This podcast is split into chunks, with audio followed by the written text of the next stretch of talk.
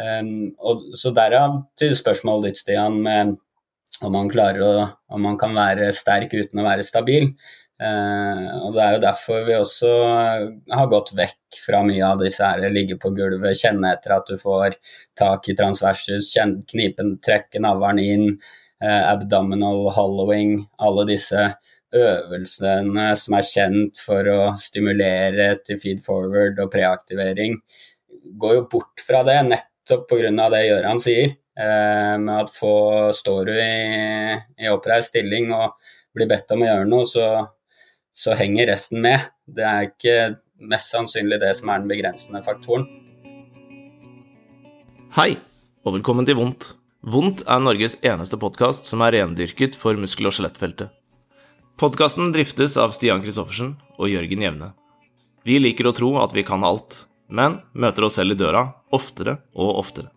Derfor har vi et mål om at podkasten skal være en informasjonskanal der landets ledende klinikere og forskere innenfor sine respektive fagfelt får dele av sin unike kunnskap og innsikt.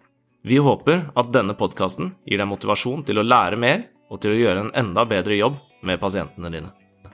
Driften av podkasten Vondt hadde vært umulig uten gode samarbeidspartnere, og vi vil derfor rette en oppmerksomhet mot våre to sponsorer.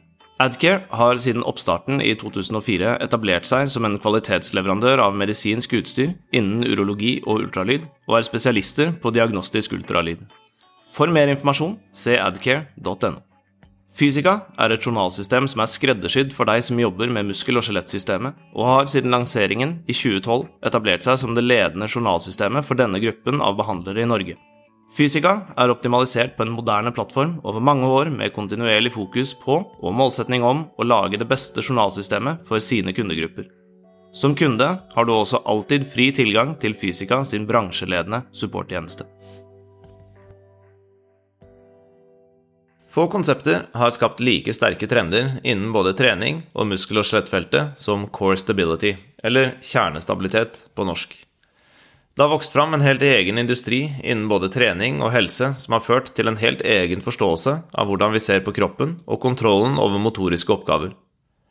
Så har det seg en gang sånn at vi iblant er litt raske til å omfavne nye konsepter. Og det stilles nå stadig flere kritiske spørsmål til hele konseptet om vi faktisk trenger å stabilisere kjernen vår på en spesifikk måte, både med tanke på trening, prestasjon og helse. For hva er egentlig kjernestabilitet? Hva definerer vi som kjernen? Kan vi skille på lokal og global muskulatur, og er det mulig å selektivt trene det ene uten det andre? Er det i så fall hensiktsmessig? Og hvilken betydning har dette konseptet for pasientene våre? Har folk instabile rygger? Kan ryggplager forebygges av å trene kjernestabilitet? Eller har vi skapt forklaringsmodeller bygget på et luftslott? Dette og mer til snakker vi med Gøran Paulsen og Lars Haugvad om. Gjøran er professor i idrettsfysiologi ved Norges idrettshøyskole. Han er utdannet fysioterapeut og har en doktorgrad i idrettsfysiologi fra Norges idrettshøyskole, som omhandlet restitusjon og adaptasjon til arbeidsinduserte muskelskader. Fra 2013 til 2019 ledet han Olympiatoppens kraft-styrkeavdeling, der han nå også jobber som fagkonsulent. Lars Haugvann er manuellterapeut, spesialist i idrettsfysioterapi, og jobber på Olympiatoppen med oppfølging av primært landslagene i snowboard, beachvolley og seiling og er tidligere leder for helseteamet til skihopplandslaget for damer og herrer. Han er også ansvarlig for screening- og monitoreringsprogrammet for de norske olympiske utøverne. Lars er en ettertraktet kurs- og foredragsholder med sin egen fagdag om styrketrening, og gjestet oss i episode 6, som er en av våre mest populære episoder til nå. Men nå, la oss komme i gang med dagens episode. Hei og velkommen til Vondt. I dag så har vi med oss Gøran Paulsen og Lars Haugvad, begge fra Olympiatoppen, og vi skal snakke om kjernestabilitet. Eh, vi kommer nok til å gå mye gjennom eh, det mer sånn fysiske og treningsmessige, og noe inn mot eh, idrettsutøvere. Og så ser vi litt hvor vi havner med tanke på det rent sånn pasientmessige etter hvert, så det skal bli en spennende prat. Velkommen til dere gutter. Takk skal du ha. Takk skal du ha. Og da tenker jeg at vi eh, rett og slett begynner, Gøran, med hva er kjernestabilitet? Ja, det er vel egentlig et eh, godt uh, spørsmål. Men jeg vil vel si at det handler om å kontrollere ryggsøylen og bekkenet. Så vi kan jo si at det er mye av det samme som knestabilitet eller andre ledd eller deler av kroppen. Altså det handler da om å stabilisere ryggsøylen. Og da må vi jo inkludere både statiske og eh, statiske posisjoner da, og, bevegelser. Så det blir en veldig, veldig bred eh, definisjon. Og så må vi også inkludere lavkraft og høykraft. Da. Så det blir på en måte alt som handler om, handler om bevegelse av ryggsøylen og eventuelt eh, krefter som prøver å sette ryggsøylen eh, ut av sin posisjon. Hvis du prøver å holde i en eh, gitt statisk kroppsfasong eller ja. Det vil jeg si dekker, dekker, det meste, og det er litt av der kanskje kjernen i alt jeg på å si, problemet også er. da, At det, det er en veldig vid definisjon og eh, involverer da, eller inkluderer da veldig mange eh, egenskaper. altså Både styrke og utholdenhet og koordinasjon. Og, og da selvfølgelig også de ulike treningsformene. da. Når man eh, snakker om trening av, eh, av kjerne, så er det jo sier, det er jo et vidt begrep hva kjernestabilitet er. og Det er jo et ganske vidt begrep hva kjernen egentlig er. Har vi noe god forståelse av hva kjernemuskulatur er? Ja, der har vi jo Man kanskje gå tilbake til, disse, til Anders eh, Bergmarks eh, klassifiseringer. Da. Han, I 1989 så beskrev han da liksom lokale og globale muskler. Eh, så akkurat hvor grensa går, eller hvor den har blitt, om den har blitt justert i etterkant. Men altså, vi tenker jo transversus og multifider da, som kroneksemplene på de lokale, og så har du rectus abdominis altså, som, eh, som, en global Og de ytre skrå bukmusklene. Eh, og så har man eh, da diafragma og bekkenbunnen, eh, selvfølgelig, som er med å lage en et eh, compartment, da, eller en eh, ja, hva skal vi si, en dekker det liksom det hulerommet da, med muskulatur på alle sider. Som er i trunkus eller kroppen. ja.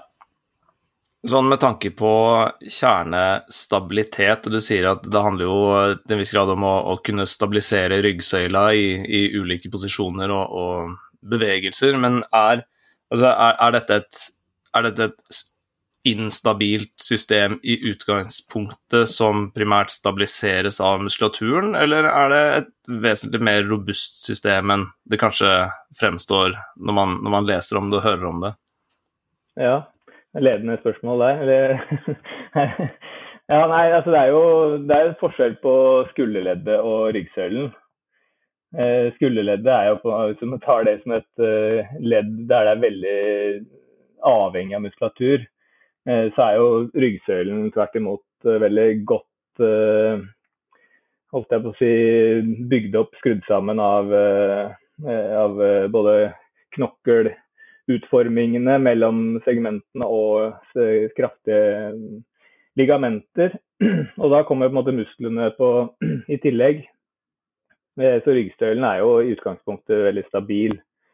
ja, det er, jo, det er jo gjort mye sånne kadaverstudier som som har sett på utslag og, og ja, hvor mye krefter som skal til da, for å påvirke denne strukturen eller påføre skader. Og det skal jo litt til, eh, selv når du har tatt den, den, strukturen ut av kroppen og ser på den helt isolert.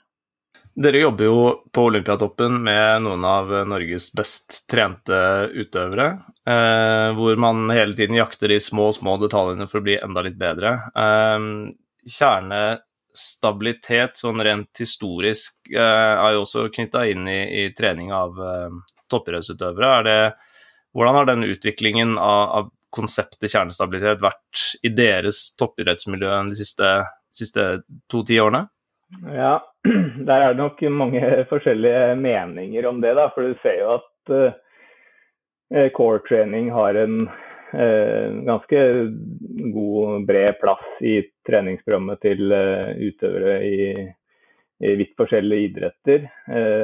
så det er jo aktuelt. Og så kan vel gå tilbake til 90-tallet da, med Paul Hodges og, og der de liksom finner ut at transversus har en preaktivering, eller sagt den aktiveres før du gjør bevegelser med armene.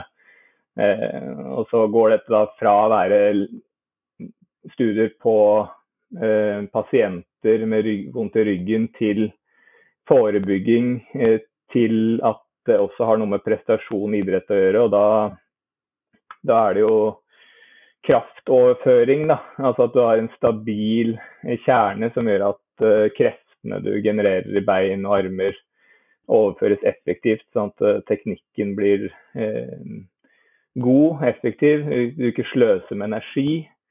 Da, det, det, du kanskje kan se i norsk idrett, det er vel det Olympiatoppen kalte basistrening, som er et veldig sånn definert som et veldig, veldig vidt begrep. Det jo mye, mye videre enn core, for det, det, inneholder på en måte ja, både styrke og utholdenhet og, sosiale forhold og altså, liksom, det er veldig mentale ting, kognitive. altså Det er veldig sånn grunnleggende trening av egenskaper da, som ligger i bånn eh, til idrettsprestasjoner. Men den basistreninga i praksis eh, i Olympiatoppen har jo vært fokusert mot buk og rygg. Og da ser vi jo Da kan du se på eh, ja, skoler som Bang og NTG og sånn har jo da fortsatt basistrening som en viktig del av sin eh, eller som en del av sitt eh, opplegg. Eh, og I Olympiatoppen så, så, har det jo da vært eh, mye fokus, og det er mye fokus på ryggsøyle og bekkenkontroll. Men utviklingen har jo vært at det har blitt eh, satt mer og mer inn i den spesifikke konteksten til hver idrett. Eh, så man har han sier liksom ikke at den generelle core-treninga er eh, bortkasta. Eh, nå snakker jeg ikke for meg selv, men snakker for hvordan jeg observerer det idretten. Altså man tenker, tenker at den generelle er bra, men at du må på en måte inn på det spesifikke for å få fullt utbytte av det. Det kan være en, en skihopp skihopper eller alpinist. Altså at det, at det har noe med eh, sitteposisjonen, hvordan bekken er tilta fram og tilbake, hvor mye bøy krum du har på ryggen, og hvordan, hvordan den ryggsøylen og bekkenet da beveger seg idet du sparker fra i satsen eller gjør en sving.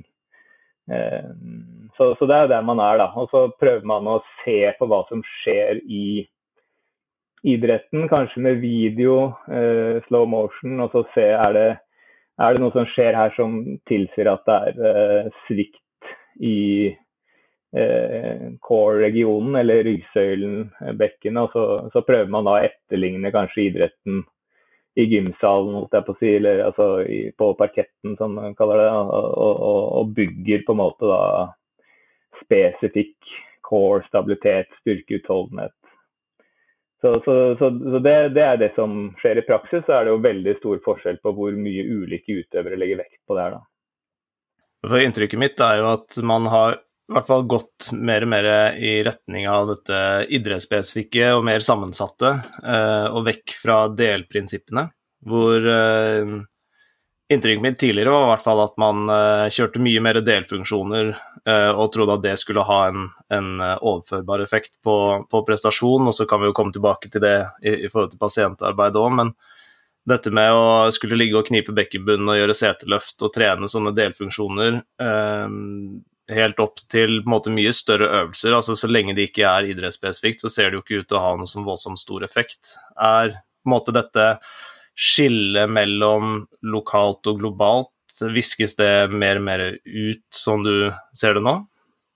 Ja, eh, igjen så jeg kan jo ikke snakke for så mange flere miljøer enn det jeg ser, da. Men, eh, men man er jo der at eh, man både jobber med små bevegelser i altså bekkentilt til firefotstående til, eh, altså med veldig lav kraft, til eh, det mest idrettsspesifikke. Så man jobber hele tiden i det kontinuumet. Men det er nok riktig som du sier, altså at man har, skjøvet seg mer og mer mot det spesifikke og mer å sette inn i de riktige kontekstene. da. For det er jo sånn med motorikk generelt. altså Deler du opp en bevegelse for mye, så, så blir delene helt uh, uavhengige eller meningsløse uh, for hverandre. Sånn at du uh, alle, alle, motoriske program eller bevegelser er veldig spesifikke. Så, så et, på et eller annet sted der så, så, går man på en måte kanskje fra å, å tenke at man trener på en grunnleggende egenskap, f.eks. av styrke i en, i en, en av core-musklene eh, med en veldig enkel øvelse, så, så, prøver man å sette det i sammenheng med andre øvelser som på en måte da gjør at man kan utnytte de egenskapene i det spesifikke. Det, det, er nok en tanke, men utfordringen ligger nok i om, om mange av de øvelsene man gjør eh, som blir eh, veldig isolerte, om de egentlig har noe særlig effekt. Om du klarer å påvirke noe, noe som helst. Det, det, er der også forskninga sliter, fordi det er, det er, vanskelig å kvantifisere. Eh, du får liksom ikke testa ordentlig om det funker, og det er vanskelig å se om du får strukturelle endringer. Og, ja, det, det, er en kjempeutfordring. Så, så, sånn sett så er det jo lettere å og um, gå, gå mer rett på det spesifikke. Ja, for der er jo Jeg husker jo da, da jeg gikk på fysioutdanninga, og det var, det var, jo 2004 til 2007, så var det jo fortsatt mye fokus på, på stabilitetstrening og, og slyngetrening, og da var jo Litt av prinsippene var jo f.eks. smertefrihet, lang holdetid, eh, lav belastning for at du skulle spesifikt kunne påvirke Eh, de lokale, eh, den lokale muskulaturen kontra den globale eh, osv. Så sånn fra Du er jo fysiolog og kan, kan, mer om trening enn de fleste andre i Norge, men fra ditt perspektiv, er det, altså er det i det hele tatt forenlig med den forståelsen vi har per i dag? Ja, det, er jo, ja det er det som har vært kritikken. Altså at det, den treninga som blir gjort, den ja, den har veldig utholdenhetspreg. Eh, kraften er lav. Eh, så, så i, i, beste fall så, så, så, blir det på en måte lokalmuskulær utholdenhet. Da. Og, og, du er ganske langt unna dette med stor kraft, eh, hurtige bevegelser og det som kanskje er interessant for mange utøvere. Så, så det igjen er veldig avhengig av hva slags idrett du driver med. Da. Men i en kompleks idrett som du trenger eh, stabilitet i ryggsøylen i ballspill f.eks., der det på en måte, du aldri kommer inn i akkurat samme bevegelsen, så, så er det klart at eh, eh det er jo til dels store krefter og, og, veldig stort krav til hurtig kraftutvikling, da, som, som core-trening generelt kanskje ikke egentlig utfordrer. Vil du, um, vil du si at uh, man kan bli Altså du, at du kan trene styrke og bli sterkere, men ikke bli stabil. Altså Hvis man drar det dit, da, at hvis vi ser for oss at vi trener kjerne eller buk, rygg eh, med, med, høy intensitet for å bli sterkere, er det sånn at du kan bli sterk, men ikke være stabil?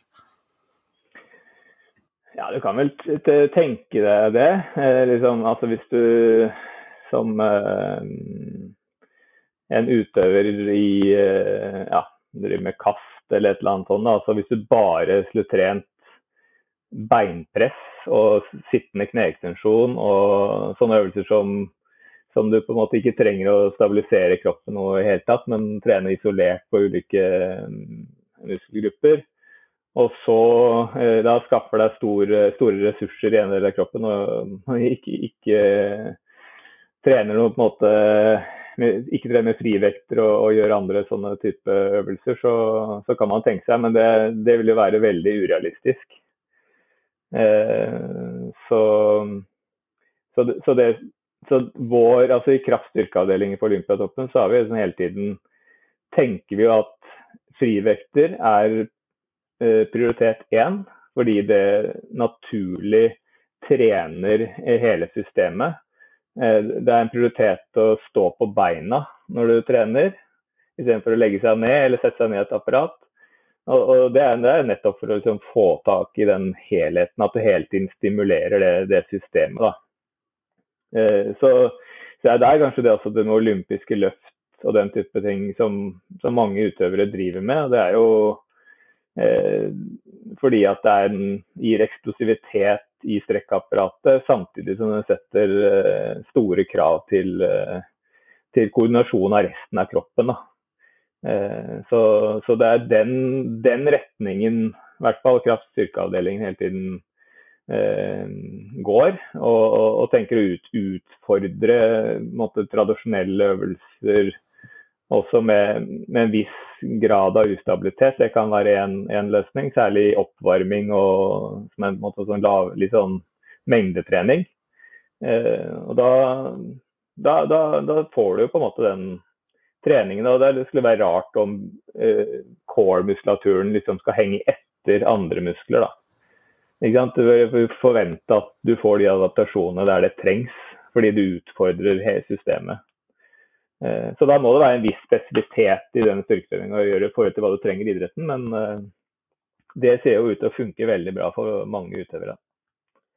Vi snakket jo Vi var jo inne på det også, Gøran, for noen år siden når vi diskuterte hvordan applisere eh, den ulike typer core-trening, og vi så også litteraturen på i hvor stor grad du faktisk klarer å skille mellom aktivering av eh, altså dype eller eh, globale muskler. Eh, er det faktisk reelt at man klarer å, å skape en bevisst het rundt feed forward-mekanismen, som eh, kanskje mange fortsatt argumenterer for i dag. Da. Du må ha kontroll på det, på det, dype og lokale før du kan begynne å surre rundt med det distale og skape kraft. Og litteraturen er jo ganske klar på det, at eh, den det er svært, svært vanskelig å ved bevissthet skape en feed forward-aktivering eh, av eh, dype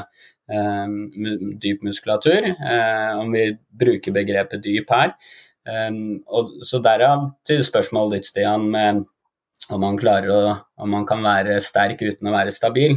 Uh, og Det er jo derfor vi også har gått vekk fra mye av disse her ligge på gulvet, kjenne etter at du får tak i transversus, knipen, trekke navlen inn, uh, abdominal hollowing, alle disse øvelsene som er kjent for å stimulere til feed forward og preaktivering, går jo bort fra det, nettopp pga. det Gøran sier. Eh, med at få står du i, i oppreist stilling og blir bedt om å gjøre noe, så, så henger resten med. Det er ikke mest sannsynlig det som er den begrensende faktoren.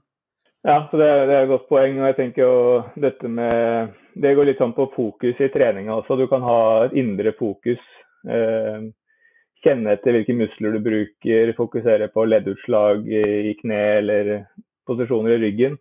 Eller så kan du ha litt ytre fokus, da, som, som går på eh, ja, altså eh, bevege deg liksom ut av kroppen, men liksom se mer på resultatet av hele bevegelsen. Eh, som for så vidt har, har vist seg å være eh, gunstig da, for å lære å, å forbedre motoriske egenskaper. Fordi det å være bevisst alle mulige posisjoner og bevegelser og sånn, da er du liksom på etterskudd hele tiden. Eh, alt du opplever bevisst eh, er på etterskudd. Så når du skal ha preaktivering og, og de motoriske programmene er veldig kompliserte sånn sett, så da, da lønner det seg egentlig å bare tre litt ut av den, men å, men å bruke liksom Se på resultatet av hele bevegelsen. Eh, prestasjonen de gjør der, da, flytte, hastigheten du flytter eh, stanga på eller gjør bevegelsene på, måten du eh, lander i et hopp, altså sånt, liksom det er resultatet av hva du gjør. og da, vil, da er det sånn at nervesystemet eh, organiserer seg sjøl og gjør de tingene som gjør at prestasjonen blir bedre. Når du gjør det mange nok ganger, gjør det riktig mange nok ganger, da, Eh, så, så, så, det er jo det er også stilt spørsmålstegn om det å fokusere på buk-rygg, gå inn og holde bracing eller andre ting, altså at det faktisk har helt motsatt virkning. At du forkludrer motorikken. og du legger deg til på en måte noen vaner som, som ikke er holdbare. Da. Så det er ikke noe eh, det, det bringer deg ikke framover. Det, det, er mer som et sånn eh, at det stopper opp utviklinga di. Da. Eh, så, så, så, det er sånn Det er nok mange noe som mange kan ha gjort feil over lang tid. Altså at man har for mye fokus på en, en bestemt del av kroppen når du skal gjøre Eh, komplekse motoriske øvelser. Altså, så, så Markløft og knebøy er ganske enkelt, men det er likevel relativt komplekst når du ser hvor mange muskler som er involvert og hvordan alt dette skal koordineres. Ja, morsomt eksempel du hadde der. for Jeg husker godt jeg sto og kutta strålen når jeg løfta knebøy på, på fysio. Med alle de følgene det hadde for motorikken.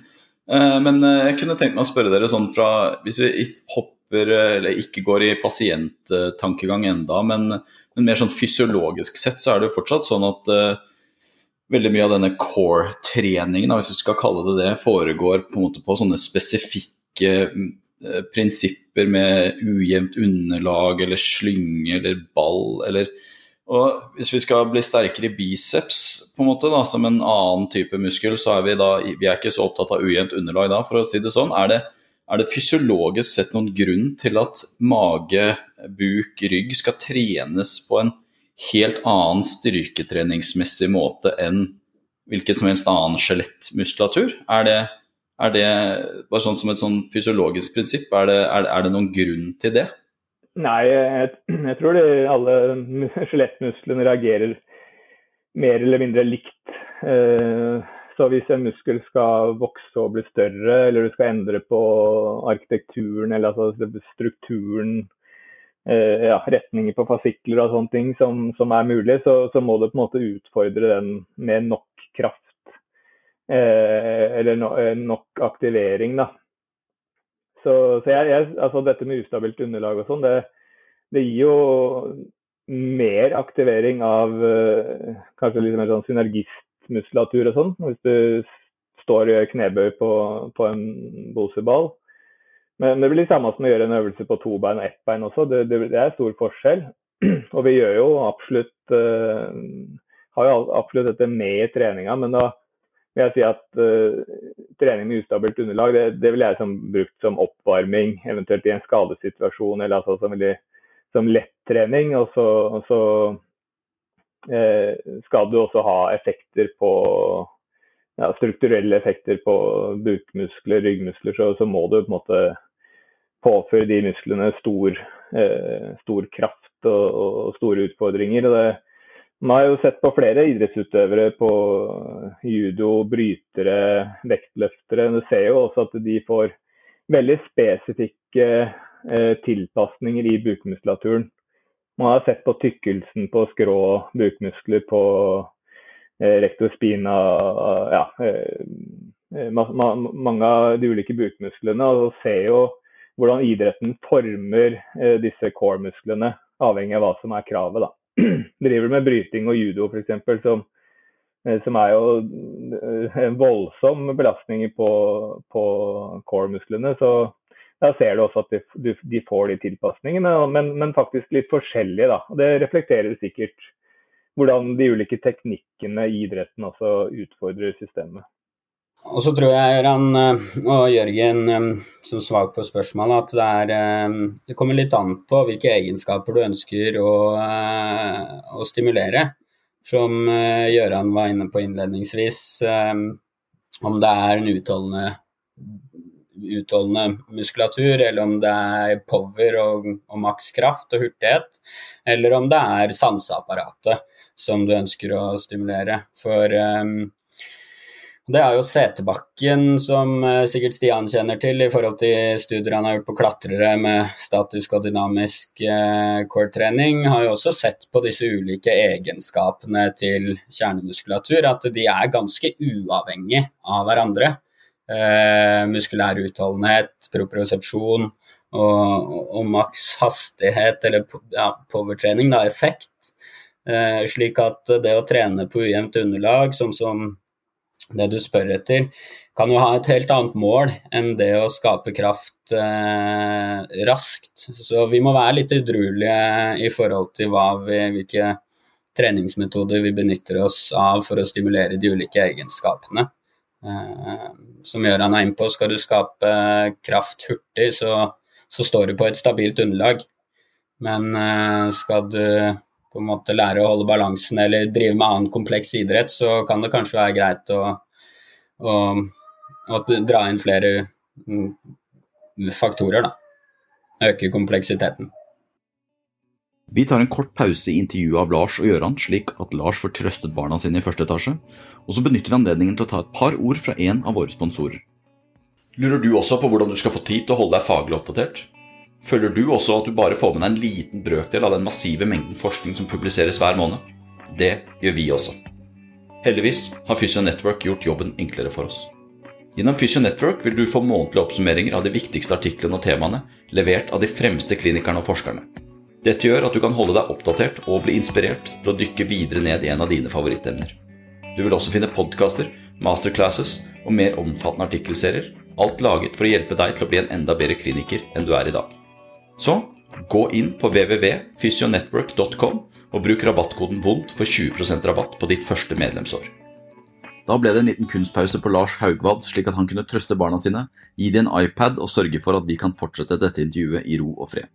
Nå må du ta på deg rectus abdominis, stramme multifidene og kutte strålen, slik at du kan lære mer om kjernestabilitet.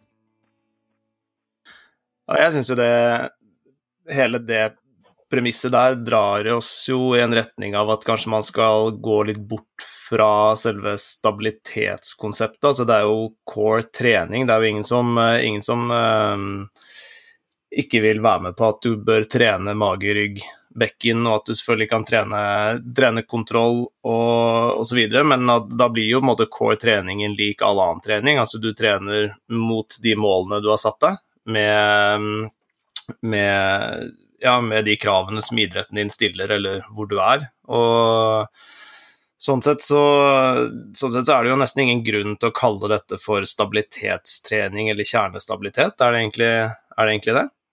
Ja, nei, det, det, ja, jeg er enig i det. Du, eh, du må jo se, ja, som Lars er inne på, se på kravene i idretten og, og se hva, hva, er eh, behovet. Og, eh, det er nok ikke noe grunn til at en ellers frisk og rask eh, person eller idrettsutøver da trenger å gå inn og trene måte, den generelle stabiliteten. Eh, det, jo, det, er måte, kanskje det viktigste ankepunktet mot. Altså det. det. vil ta tid fra annen trening som er mer effektiv. Og, og det er fordi jeg er inne på dette med spesifitet. altså Du ser på balansetrening òg, som er egentlig en, ofte en del av core-treninga. Eh, så ser man at uh, trener du balanse på én måte, så gir ikke det nødvendigvis overføring til balanse på en annen måte. Eh, står du på slackline, så, så, blir du god til det. og Tester du da balanse eh, med lukka øyer på gulvet uten, så, så er det ikke sikker at du får noen forbedringer i postural sway eller noen sånne ting. Så, så det er på en måte den spesifiteten man må gå etter. Hva er behovet for den enkelte utøveren? og det, det, jo, det, det vet vi at det er kjempestore forskjeller avhengig av hva du driver med. Ja, det er, eh, jeg syns jo det er viktig.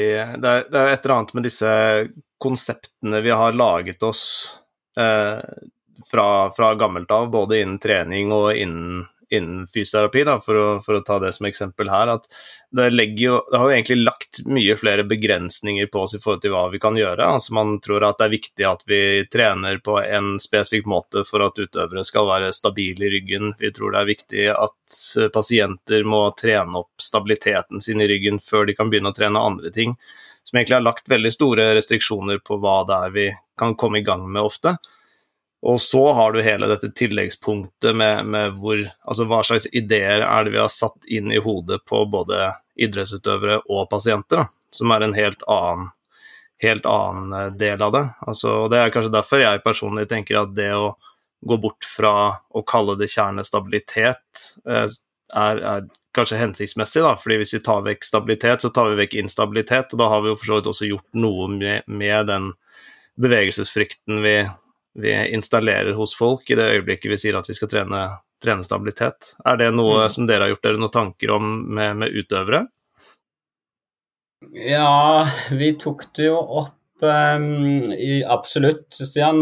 Hatt det uh, framme i pannebrasken. Og vi tok jo fram den artikkelen til Matthew Lowe fra 2018, hvor han uh, diskuterte dette med um, Er det nok nå med den der motoriske treningen og tilnærmingen til bl.a. ryggpasienter? Fordi vi har jo sant, dro for seg alt fra Panjabi fra 90-tallet med den nøytrale ryggen, til Shirley Sarman som uh, påpeker alle disse mulige biomekaniske feilstillingene, og Sullivan med fleksjon- og ekstensjonsmønstre. Uh, og jeg syns det er en veldig fin, lettlest artikkel som gjør, gjorde meg også veldig mye mer edruelig og um, bevisst på hvor sårbare vi fort kan gjøre disse utøverne hvis vi begynner å snakke om den instabile ryggsøylen. Jeg har jo møtt utøvere som har ligget på gulvet og trukket inn navlen eh, og sier at jeg må gjøre disse øvelsene her, ellers så glir skiva ut. Um, og det er jo Da får jeg vondt i magen. Uh, jeg har jo også møtt folk som har, eller pasienter som etter en ryggoperasjon så sier kirurgene to-tre uker etter gjør akkurat hva du vil. Ryggen din er sterk nok til å, til å tåle dette. Litt sånn som Åge Inndal er inne på uh, når han snakker om vi kan gjøre akkurat hva vi vil. Den ryggen tåler det meste. Um, og vi hadde et eh, Vi hadde jo en faglunsj her for et par uker siden med kraftstyrkeavdelingen hvor jeg snakka litt om uh, smertefysiologi, og der var det Ehm, der var vi også inne på det med hva vi sier til, eh, hva vi sier til utøverne i forhold til hvordan de kan oppleve at de er sårbare, eh, og hva spør vi etter, eh, hvilke ord vi bruker.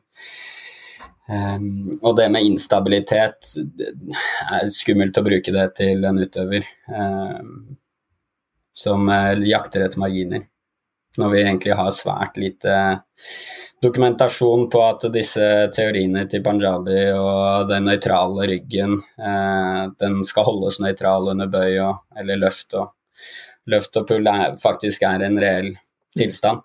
Den ryggen beveger seg ganske mye eh, under, eh, under hverdagslige aktiviteter og løft, selv om vi tror den ikke gjør det. Ja, det er jo interessant den eh, artikkelen til Howie og Lehmann er det Strength and Conditioning Journal. Eh, som, altså de er jo inne på dette med nøytral rygg og viser til en rekke studier da, på at eh, selv styrkeløfter og vektløftere har ganske mye bevegelse i ryggsøylen eh, når de løfter, og det er naturlig måte å bruke ryggen på. Er, hvis man har det inntrykket at ryggen må låses i en spesiell posisjon for å være Eh, stabil og trygg, så, så, setter jo det store begrensninger på hvordan du også kan utvikle idrettsteknikken din. Ja, det, det, ser man jo gjerne altså på jeg nevnte skihopp, alpint, eh, sykkel, skøyter.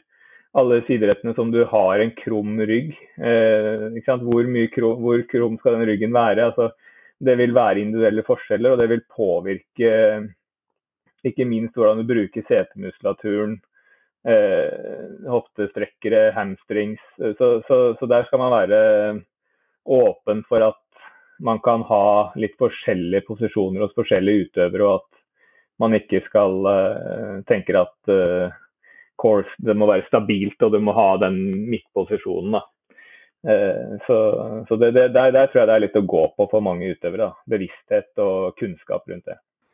Husker du, Gøran, vi gjorde EMG målinger av han skihopperen eh, nede på laben eh, i forbindelse med at han testa på kraftplattform.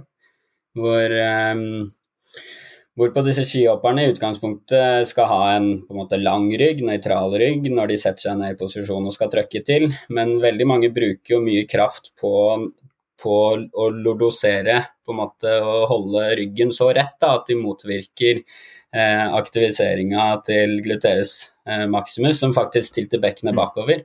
Um, og hvorpå vi lot han prøve begge måter å slippe ryggen litt, heller krumme litt i det han skulle trykke til, og hvor mye mer aktivisering vi fikk av glutealmuskulaturen i, på den mm. plattformen. Og det, det, var også en litt sånn øyeåpner for meg, og som jeg har brukt på flere av de utøverne. At uh, trenger ikke å motvirke uh, hvordan kroppen funker i synergi for å skape, skape kraft mm. oppover. Jeg synes, altså, vi har Tidligere på podkasten her så har vi jo snakka litt om, eh, om, risikoen ved å ekstrapolere mye, mye, av den toppidrettsforskningen og toppidrettsforståelsen over på måte, vanlig, vanlig menigmann, da. selv om det har blitt gjort i, i mange i mange tilfeller, men akkurat her så tenker jeg jo at det, dette er jo noe som vi skal ta med ut av, av hvert fall toppidrettsmiljøet i Norge da, via, via, dere nå, sånn at man også får det ut i klinikere. For vi har jo etter hvert begynt å forstå at, at uh, idrettsutøvere også er mennesker, så det er jo mange av de samme mekanismene som går igjen uh, hos de dere ser opp hos dere, som, som vil gå igjen uh, i, i vanlig klinisk praksis også. Og litt sånn som de utøverne som du ser, Lars, som har fått beskjed om at de må gjøre du må gjøre spesifikke ting for å holde skivene sine på plass, så er det ikke sånn at de har, de har ikke funnet på det selv. Det, det, kommer, jo, det kommer, jo, fra et sted. Så, så, det er jo på tide at, man, at vi begynner å oppdatere litt eh, som man sier, kunnskapssynet vårt på, på, disse tingene.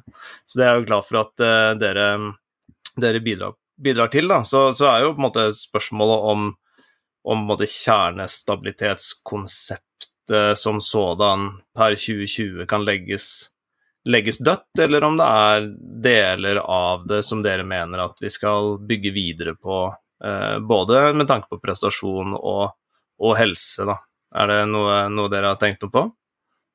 Jeg tenker jo i hvert fall at eh,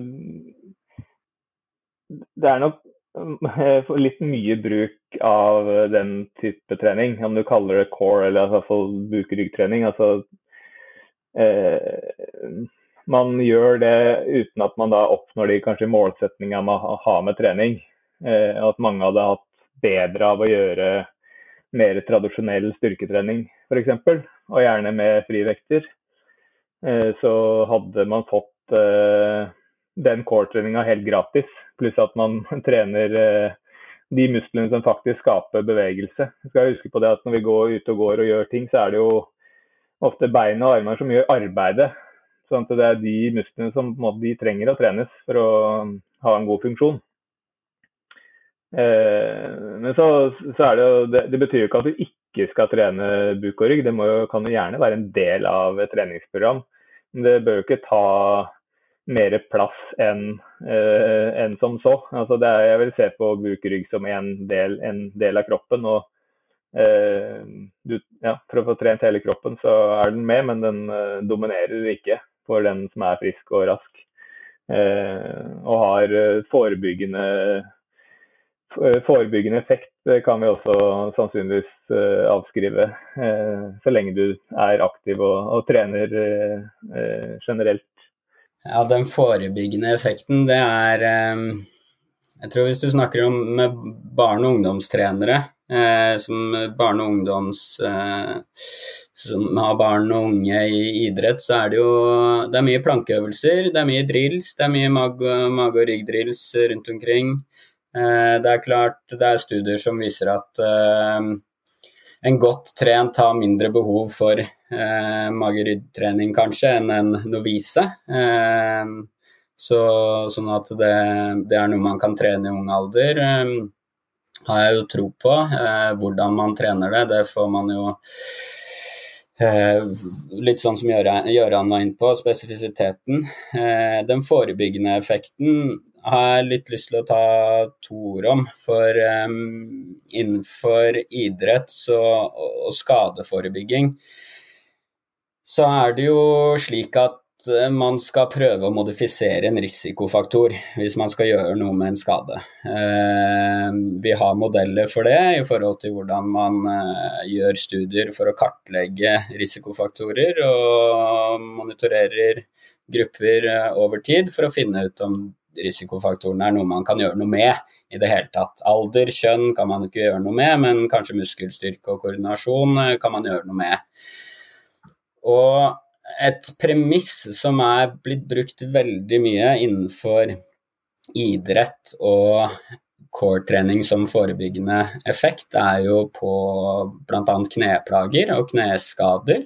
Eh, hvorpå studier viser at med økt fokus på core og trunkus-stabilitet, så har man bedre kontroll på underekstremitetene sine. Og da kanskje kan unngå fremre knesmerter eller korsbåndskader eller overtrakk. Og det kan jo veldig godt være at man får bedre kontroll på underekstremitetene. Men når premisset ligger der at testen for å kartlegge risikofaktorene eh, heller eh, ikke holder vann Altså ta et eksempel på knevalgus. Vi ser på knevalgus som en risikofaktor for eh, kneskader i idrett. Og så bruker vi step-down eller drop-down-test for å kartlegge hvor mye valgus man får. Og så har jo eh, Norges idrettshøgskole, Trond Krosshaug og Kristianslund har jo påpekt det at eh, det er ikke noe prediktor for hvem som Det å gjøre en test med mye valgus er ikke en prediktor for om man får korsbåndskade gjennom et eh, idrettsår. Eh, heller ikke hoftestyrke. Mange av disse studiene innenfor core-styrke eller trunkusstabilitet tar jo også for seg hoftestyrke, gluteus medius. Og når man ser at det ikke er noe sammenheng mellom da stor valgus eller eh, skader gjennom et år, så blir det jo litt feil å si at eh, ok, hvis vi retter opp i den valgusen, så unngår vi skade.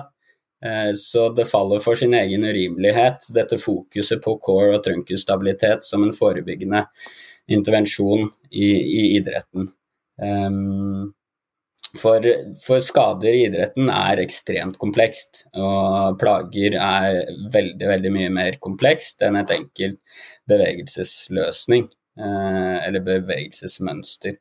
Um, og det det er noe jeg tenker vi kan også utfordre.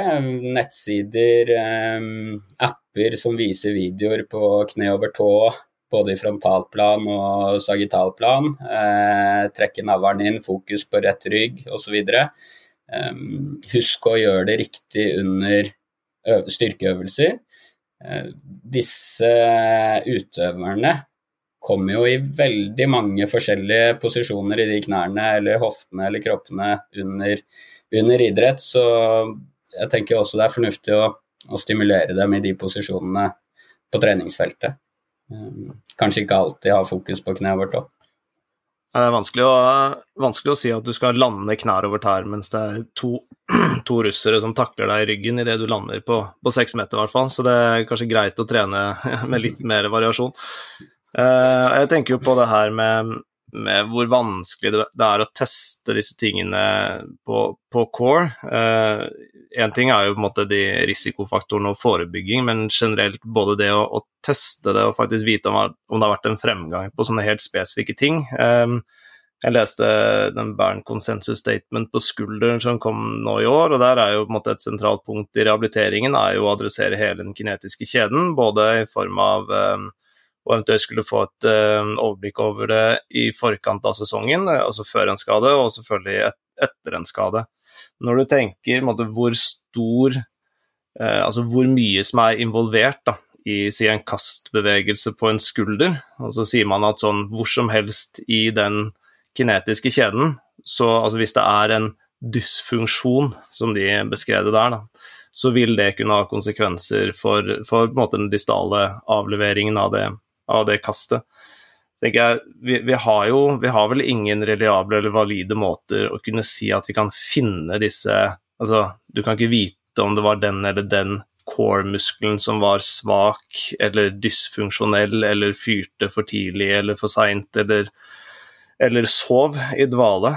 Um, sånn sett. Så, så måte, hvordan, hvordan, kan vi gjøre oss kloke på det når, når vi, måte, vi skal vi skal vurdere den kinetiske kjeden, men vet vi egentlig hva det er vi skal vurdere?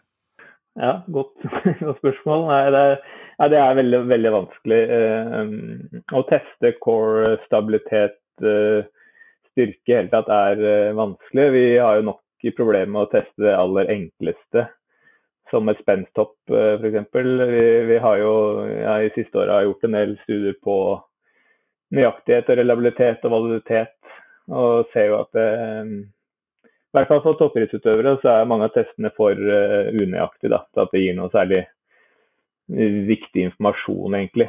Men, så, så det, er, det, er, bare enda mer komplisert for core-systemet. Så, så, jeg har liksom tenkt at jeg ville ikke brukt mye energi på liksom, å, å, prøve å teste det en og en ting spesifikt. Må, måte, der må du bare ta en helhetsvurdering, gjerne i en spesifikk setting. Da. Og så får du trene litt på det og så se om det endrer seg sånn, eh, i, de, i, de situasjonene du trenger det. Um, jeg, det er, jeg, trodde ikke egentlig vi skulle komme inn på dette her, men det er veldig bra at vi er det nå, egentlig. Altså, eh, disse risikofaktorene som de har brukt eh, i håndball spesielt, da, som er ganske godt kjent, dette med skapula dyskinesi f.eks., det, det er jo et godt eksempel på noe du har veldig lite kontroll på. Du sitter bak på ryggen, og de fleste av oss har ikke så veldig mye peiling på hvor skulderbladet vårt er når vi holder armen over hodet og kaster en håndball, eksempelvis. Eh, så derfor tenkte jeg også at spørre dere litt om altså Mine pasienter er jo primært over 50, og ikke, i hvert fall ikke opptatt av hvor skulderbladet er. Men dere som da jobber mer med idrettspopulasjonen, så sånn negative aspekter, altså psykologiske aspekter, gule flagg osv. i en idrettspopulasjon også med å få beskjed om ting som vi egentlig i prinsippet har veldig lite kontroll på. Da.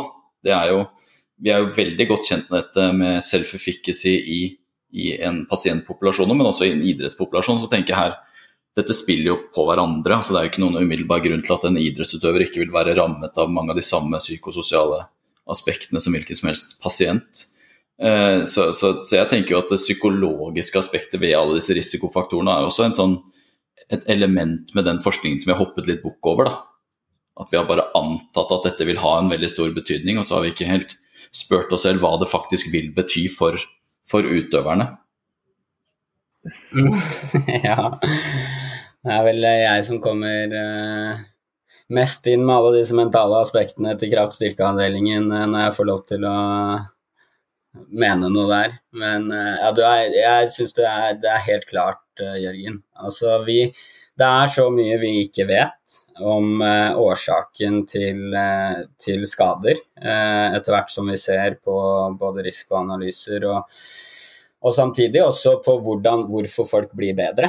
Eller for den saks skyld, hvorfor blir folk best i sin idrett? Det er så marginalt. Gøran og jeg snakket om det tidligere med med utøvere. Det er jo ofte veldig tilfeldig hvem som vinner eh, i mange idretter. Det er så komplekst og nødvendigvis ikke noe med kraft å gjøre. Skihopp f.eks. Det er ikke den med høyest spenst som, eh, som flyr lengst.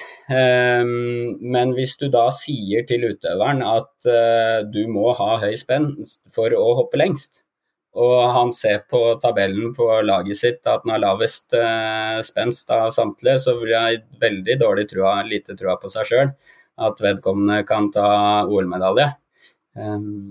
Eller skiflyvningsmedalje, eh, for den saks skyld. Så, så, hva vi sier til eh, de utøverne, hvis de igjen føler seg sårbare, eh, enten det gjelder skulder eller kne fordi vastus medialis obliquus ikke fyrer riktig, eller fordi gluteus medius ikke fyrer, og derfor så kommer de til å få skader, eller de må passe på, det, altså det, set, det er det utøvere husker. Eh, det er det som er stickiness eh, i det kognitive eh, appraisalet for, for, for, en utøver. og når vi vet, altså studier viser at utøvere med høyere hoftestyrke er de som står i ulike populasjoner størst, med størst risiko for å utvikle fremre knesmerter, så må vi ta tilbake de, det vi har snakket om at du har svake hofter, gluteus medius eh, henger ikke med her. Du, dette må du jobbe med. Eller samme med skapuladyskinesi eller eh, lordose i, i, korsryggen eller bekkentelt. Eh, og dere har jo vært inne på det før. Eh, jeg syns eh, Stian har snakka Dere har diskutert i den herre faller igjen tilbake på det med trening med mening, hvor veldig mange blir jo bra. så Hvis vi hopper over fra prestasjon til, eh, til pasienter, eh, ryggpasienter, mange blir jo bra, selv om vi ikke ser noe endring i noen fysiologiske parametere. Eh, enten det er core-trening eller skuldertrening. Det, de får mindre smerte og økt funksjon. Da må dere arrestere meg, dere som er skuldereksperter. Men noe, til tross for at man ikke ser noe endring på Skapelas bevegelse. Eh, altså Kinesiologien rundt Skapela er lik, eh, til tross for en intervensjon. Eh, smertene er redusert og funksjonen er økt. Eh, og Det samme viser jo, viser jo på rygg, så vi må passe litt på hva vi sier. Vi må passe oss på, eh, på, på hva vi får utøvere til å fokusere på eh, når, vi, når de trener. Jeg tror jo det her med hva vi kommuniserer, er altså det, er, det er kanskje På en måte så sier vi at det er opplest og vedtatt, og på en annen måte så er det så, så, er det så underkommunisert den viktigheten av det. Eh, og, og måte, jeg fikk et, en liten sånn aha-opplevelse da jeg leste denne Bern Consensus Statementen her nå, da. Eh, igjen hvor, hvor det, der også sitter jo en gruppe med noen av de som har mest peiling på skulder i, i verden og skal snakke om, eh, om um, return to sport avgjørelser. Og, og, fortsatt så er man jo altså Man blir liksom ikke kvitt f.eks. det her med skapulær dyskinesi. Selv om det skrives i den artikkelen at det er liten verdi i å skrine for skapulær dyskinesi fordi, fordi man ser dyskinesi i 53% av en normalpopulasjon. Så tenker jeg, Hvis du ser noe dyskinetisk i over 50% av en normalpopulasjon, så er det jo ikke dyskinetisk, da er det jo det som er bevegelsesmønsteret vi skal ta utgangspunkt i. Men det jo det, være, det ligger så ekstremt mye identitet i Altså for oss, da, identitet og verdi i det å være unike i forklaringsmodellene våre, at uh, det å på en måte fortelle pasienter eller utøvere disse tingene virker som å Det gir jo oss veldig mye mer enn det gir dem definitivt. Og så begynner man kanskje å se konsekvensen av det nå, at vi har skapt konsepter og forståelser som vi skal jobbe ganske hardt for å komme oss ut av da, i veien mot, mot bedre helse. Ja, og jeg tenker eh, på noe eh, Gøran og jeg diskutert, snakket litt om her, eh, i forhold til de studiene til Laursen på eh, forebygging av skader. Eh, igjen, bare hoppe litt tilbake på det hvor det står påpeker at tøying trenger du ikke å drive så mye med, er ikke skadeforebygging. Det eneste man kanskje faller litt tilbake på, er eh, styrketrening. Eh, som vi syns høres fornuftig ut, og er glade for at de sier. Og så står det et lite avsnitt der at eh, core-trening, trening av kjernemuskulatur, eh, kan vise seg å være svært hensiktsmessig. Og da, når jeg tok kontakt med forfatterne av studiet på nettopp det avsnittet, så har ikke de noe i utgangspunktet eh, forskning å legge til grunn. De sier dette er anekdoter. Det er dette vi eh, erfarer og mener er viktig. Eh, derfor så har vi det med i denne, i denne artikkelen.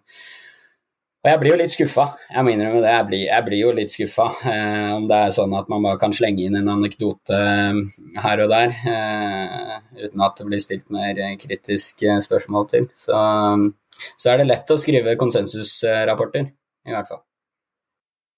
Lars er ikke sint, han er bare veldig, veldig skuffa.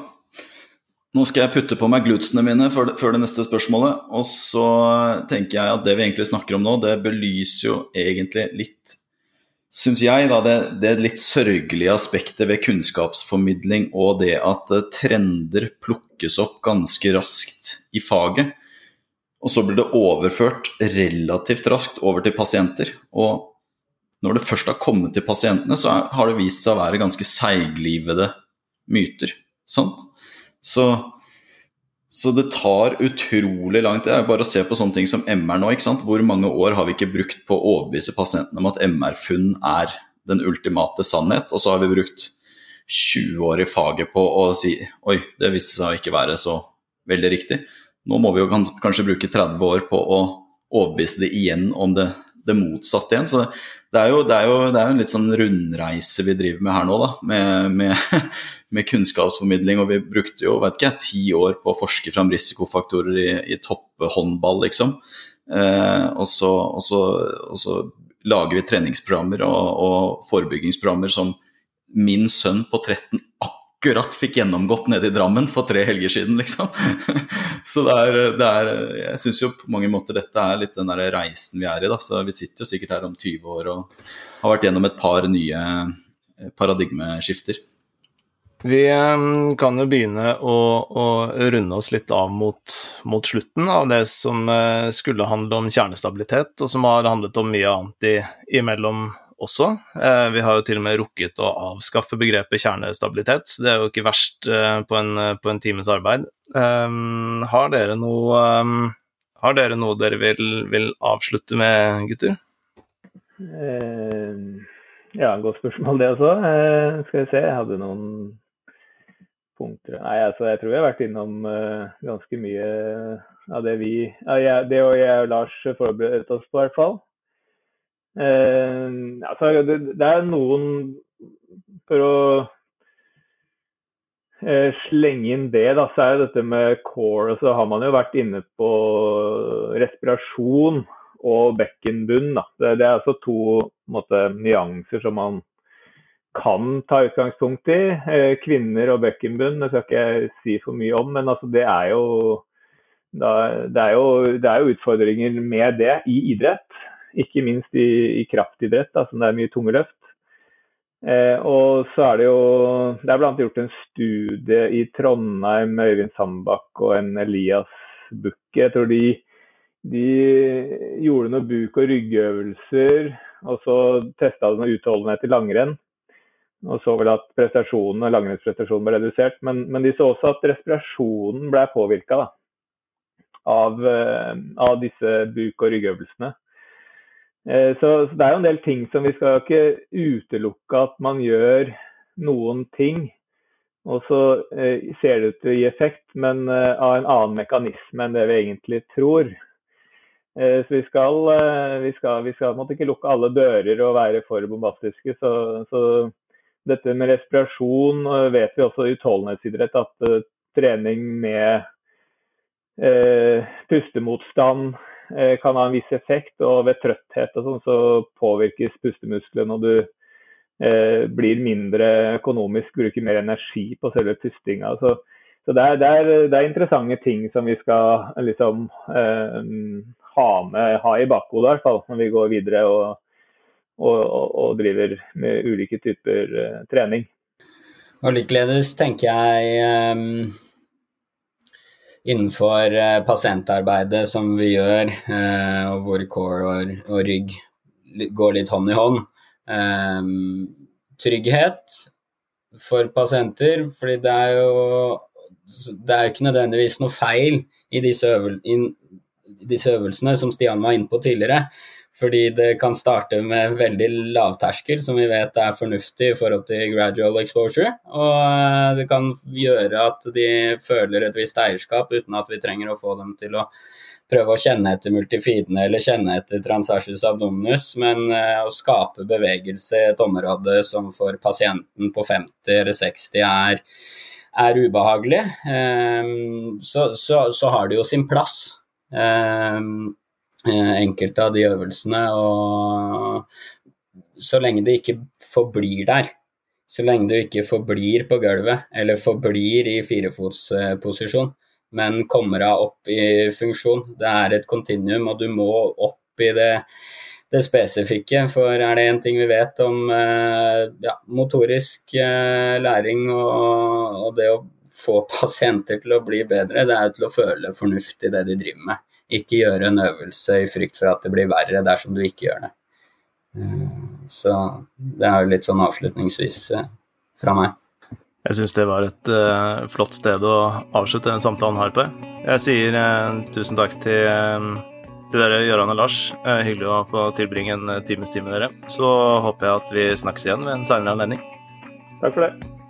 Takk for det.